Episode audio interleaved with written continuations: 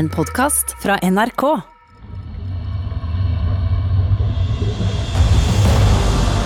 Velkommen til Grøss og Gru. Podkastserien for deg som vil bli en ekspert på magiske vesener. Mitt navn er Scott Maurstad. I dag skal du få møte en livsfarlig forfører. Det er velkjent at popartister skaper hysteri blant fansen, men denne mannen trollbinder ofrene sine med musikken sin og viser ingen nåde. I dag er det Nøkken som står for tur. En erotisk massemorder. Men først litt fakta. Nøkken. Kategori alenevesen. Farlighetsgrad livsfarlig. Et av de mest ondskapsfulle og skremmende vesenene. Kjønn mannlig. Beskrivelse. Langt, grønnsvart hår og øyne så mørke som dype skogstjern. Lokker til seg mennesker i vannet for å drukne dem. Når nøkken hoier, varsler den at et menneske skal drukne.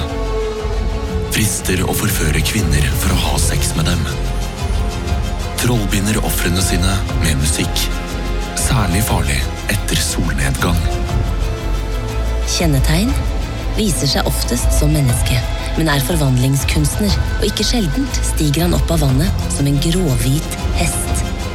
Og hvis du er dum nok til å ri på den, blir det den siste rideturen du tar. Han kan også ta skikkelse som trestokk, båt eller flåte. Oppholder seg oftest ved ferskvann, bekker, elver, innsjøer. Har en forkjærlighet for barn og unge kvinner. Når nøkken er i menneskeham, sitter han ved elver, bekker eller innsjøer og spiller på et av yndlingsinstrumentene sine, fele eller munnharpe. Som regel har han på seg klær, men han kan også være helt naken. Med musikken lokker han ofrene til seg, og når de kommer nærme nok, drar han dem ned under vannet så de drukner. Før jeg forteller mer om Møkken, skal du få høre en historie om en varm sensommerkveld som tok en brå og uventet vending.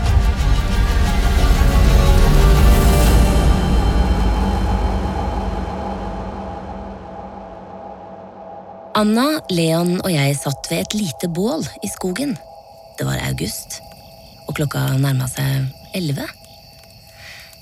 Jeg måtte tisse og reiste meg.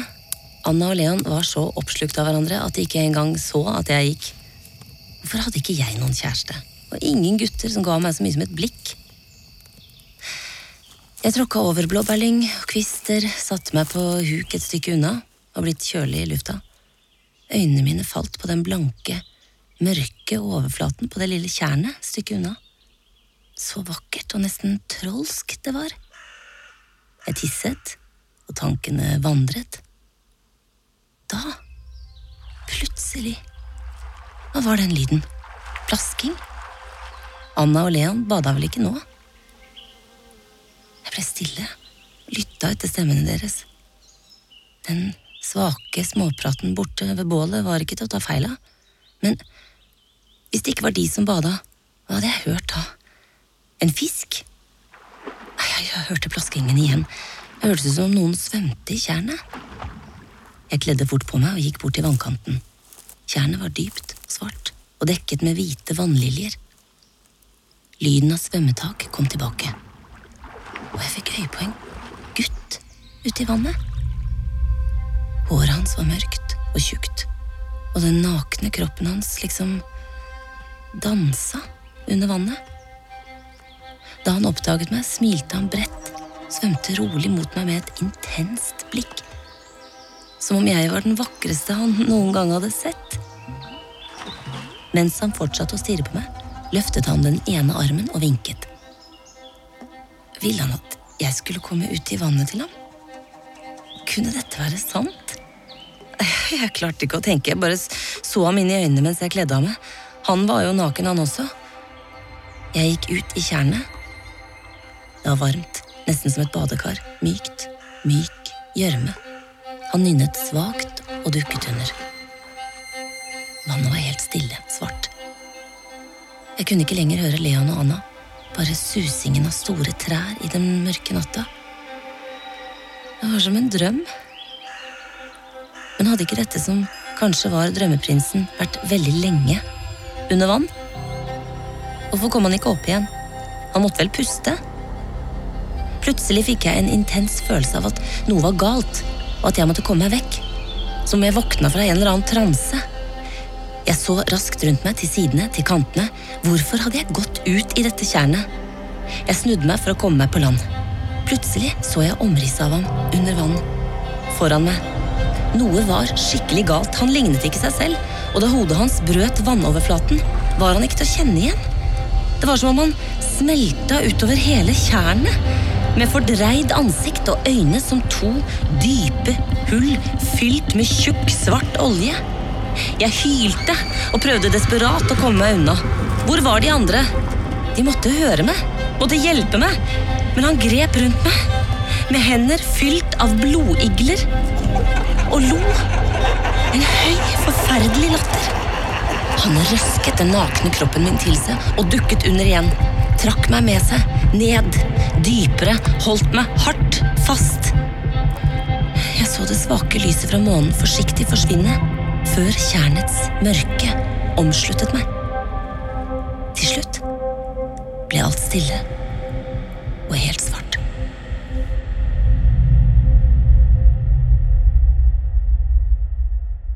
Spellemenn oppsøkte Nøkken for at han skulle lære dem å spille overnaturlig vakkert. Men hvis Nøkken skulle gi spilletimer som dette, krevde han noe helt spesielt som betaling. For eksempel at spillemannen skulle kutte av seg tuppen på venstre lillefinger. Hvis spillemannen klarte å gjennomføre hele spilletimen uten å drukne, betydde det at han ble en virtuos, som betyr veldig, veldig flink, på instrumentet sitt. I Sverige fortelles det blant annet om at dersom man legger et offer i en sjø eller foss en torsdagskveld, så kommer nøkken og stemmer fela til den som ofrer, eller bytter den mot sin egen, slik at personen siden blir en overlegen spellemann. Nå skal du få høre et sang fra Helsingland i Sverige, om en mann som tok kontakt med nøkken for å lære å spille fele. Sagnet om de hoppende hodeskallene Tre netter på rad gikk spellemannen til en liten innsjø. Der satte han seg på en stein med fela si.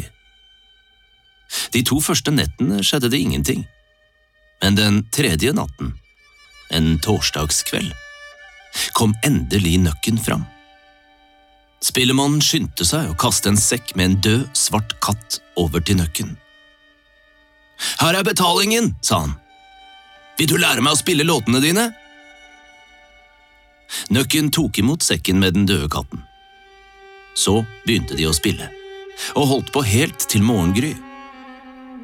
Spillemannen passet hele tiden på å ikke komme for nær Nøkken, sånn at han kunne trekke ham ned under vann. Da spillemannen gikk hjem om morgenen, var han veldig glad.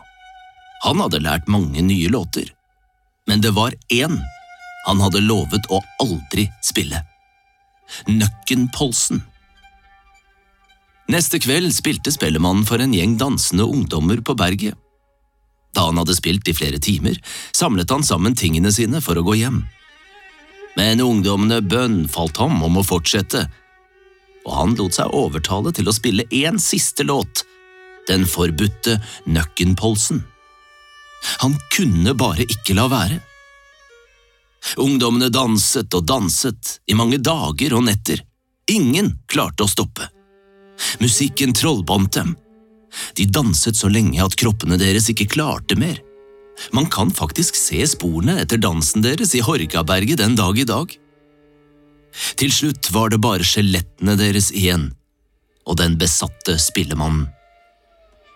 Da kom det en døv gutt til danseplassen. Siden han ikke kunne høre noe, ble han ikke sugd inn i musikken. Men han skjønte hva som hadde skjedd så han gikk fram og kuttet over strengene på spillemannens fele. Så snart musikken stoppet, ble trolldommen brutt. Spillemannen overlevde, men for de dansende ungdommene var det for sent. Før vi forteller videre om nøkken, så tar vi en liten faktastopp. I gamle dager brukte folk magiske ritualer. Det kunne være for å beskytte seg selv eller skade sine fiender. I dagens episode Kniven. Kniven. Siden en kniv er laget av stål, trodde folk at den ga beskyttelse mot ondskap og ondskapsfulle vesener. Det beste magiske stålet var angrestål, det vil si stål fra redskaper som var gått i stykker, eller som eieren hadde brukt til noe han senere angret på. Hvis man sto naken tre torsdagskvelder på rad og smidde en kniv av ni biter angrestål, fikk man en kniv med veldig sterk magisk kraft. Nå nøkken. Nøkken ble forbundet med drukning, enten fordi han lokker noen til seg, eller det kunne være varsler om kommende drukningsulykker, selvmord og uvær med stygge skrik eller sørgmodige stønn. I flere sagn krever nøkken et årlig drukningsoffer før han blir fornøyd. Noen forteller at nøkken fanger dem som drukner og nekter å gi dem fra seg. Andre at de druknede da kommer til prektige grønne saler på sjøbunnen. Heldigvis fantes det metoder. Den beste måten å beskytte seg mot nøkken på var å putte fingrene i ørene så fort man hørte musikken hans. Man skulle for all del unngå alle steder der det vokste nøkkeroser, men hvis man absolutt måtte bade, kunne man stikke en nål gjennom et nøkkelroseblad fordi stål i vannet gir beskyttelse. Om man allikevel skulle ha skikkelig uflaks og bli grepet av nøkken, kunne man komme seg fri og overleve ved å si nøkkens navn.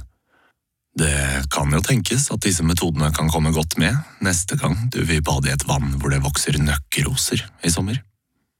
I gamle dager ble også nøkken brukt for å skremme og advare mot vann, og for å forklare uforklarlige hendelser, som i denne historien fra Sverige fra 1943.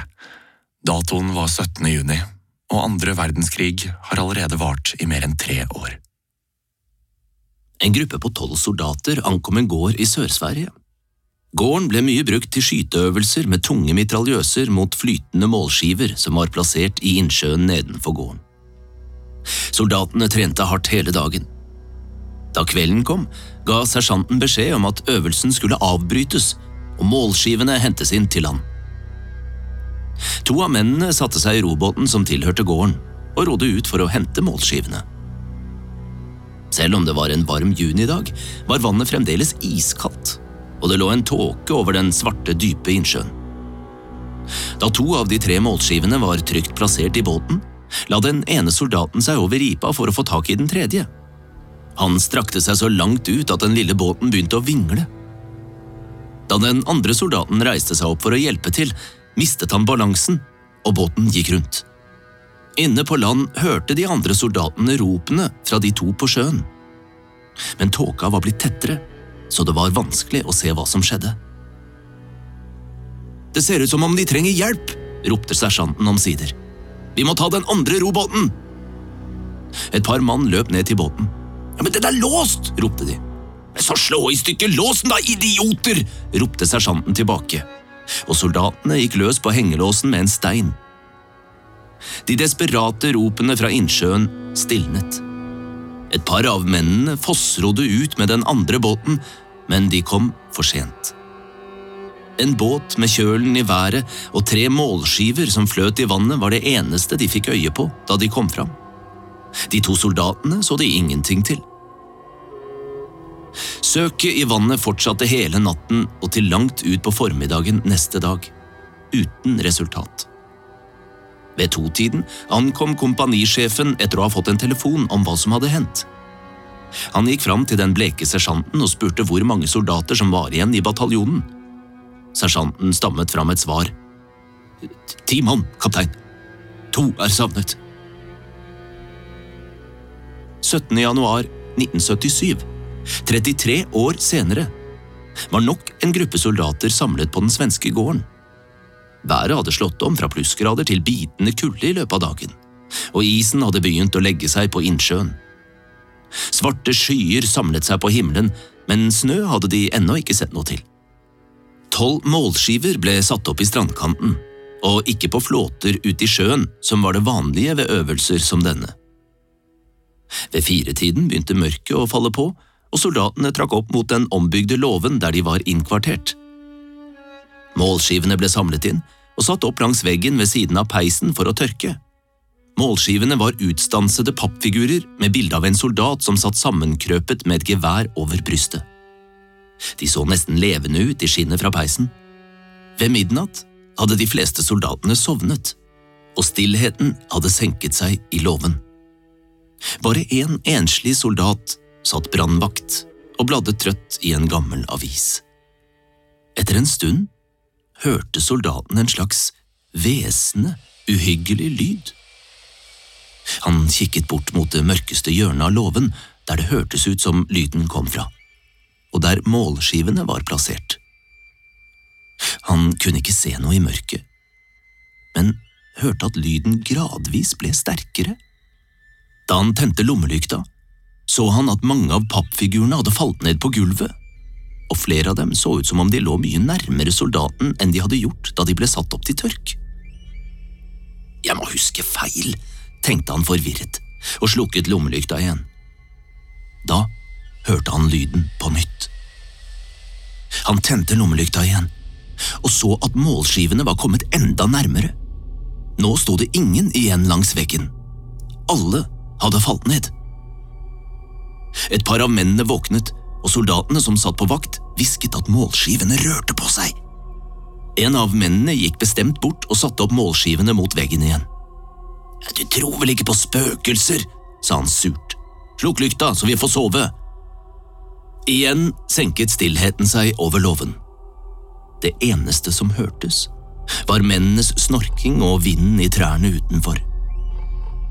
Soldaten på vakt holdt på å sovne selv også. Før han skvatt til da han hørte en dump lyd borte ved veggen, etterfulgt av den samme hvesende lyden. Hva er det som skjer? ropte en av soldatene som ennå ikke hadde sovnet og tente lykta. Nå tok sersjanten kommandoen, men man kunne ane lett skjelving i stemmen hans da han ropte Slukk lykta og vær stille, det er bare vinden! Da morgenlyset endelig kom, reiste soldatene seg opp fra sengene sine, trøtte og slitne. Sersjanten beordret alle til å pakke sammen all utrustning og laste den opp på bilene. En av soldatene tok seg en røykepause og gikk ned til sjøen. Han gikk forsiktig et lite stykke ut på den gjennomskinnelige, helt nye isen. Da så han noe. To av målskivene lå der, under isen. Da han gikk nærmere, var det som om målskivene rørte på seg og drev fra ham, lenger ut på dypere vann. Soldaten så vantro på pappfigurene. Da kjente han isen knake under føttene, og han snudde seg raskt og gikk inn mot land igjen. Men han rakk å se hvordan pappfigurene sank ned i den dype innsjøen og forsvant. Soldaten gikk tilbake til de andre. Han kom fram akkurat da måltavlene var samlet sammen, klare til å legges opp på lasteplanet. Sersjanten snudde seg mot soldaten som holdt pappfigurene, og spurte bryskt hvor mange han hadde. Ti stykker, sersjant, sa soldaten. To er savnet. Før i tiden var det lett å skylde på nøkken hvis ulykken kom. Hvis noen falt ut av båten eller forsvant under en fisketur, kunne man si det var nok nøkken som tok henne. Man kunne også bruke historier om nøkken til å skremme barn, så de holdt seg borte fra elver og innsjøer. Pass deg, ellers kommer nøkken og tar deg. Men det var ikke bare ulykker knytta til vann som ble forklart med nøkken, det var også sidesprang og overgrep. Nøkken blir nemlig beskrevet som et erotisk vesen som flørtet med unge kvinner og forførte dem. For å lure dem kunne han forandre utseendet så han så ut som kjærestene eller mennene deres. Naturfilosofer og vitenskapsmenn diskuterte livlig på 1600- og 1700-tallet disse erotiske naturvesenene, og hvorvidt de kunne hatt sex med mennesker. Utenomekteskapelige dødfødte og misdannede barn ble ofte forklart med at nøkken hadde vært den som gjorde kvinnen gravid. Noen kvinner kunne selvfølgelig ha vært forvirret og virkelig trodd at nøkken var pappaen til det ufødte barnet. Men for de fleste handlet det nok om at de ville skjule sannheten, om at de frivillig hadde hatt sex med en annen mann enn mannen sin, eller at de var blitt voldtatt av en de eventuelt var redd for, eller kanskje blitt seksuelt utnyttet av en slektning. Det vi kaller incest. Disse stakkars kvinnene må ha tenkt at de ikke ville bli like fordømt eller utstøtt om de kunne skylde på nøkken. Nå har vi straks kommet til veis ende. Men før vi avslutter, vil jeg dele et knep som man i nordisk folketro trodde skulle hjelpe deg ut av litt eh, kinkige situasjoner. Hvis en mann ikke fikk ereksjon, kunne dette fikses hvis han tisset gjennom en giftering. Grøss og gru er produsert for NRK av Svarttrost Produksjoner. Mitt navn er Scott Maurstad. Du hørte også stemmene til Ine Jansen og Espen Sandvik. Denne serien er bygget på den svenske bokserien Vesenologi av Ingela Korsell. Manusredaktør er Ingrid Greaker Myhren. Historien du hørte innledningsvis er skrevet av Ninje Nyhus. Musikk, klipp og lyddesign er av Peter Palmen. Redaktør i NRK er Gitte Kalmeier.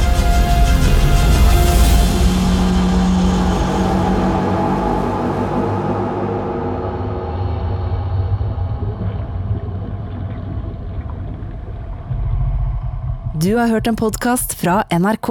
Hør flere podkaster og din NRK-kanal i appen NRK Radio.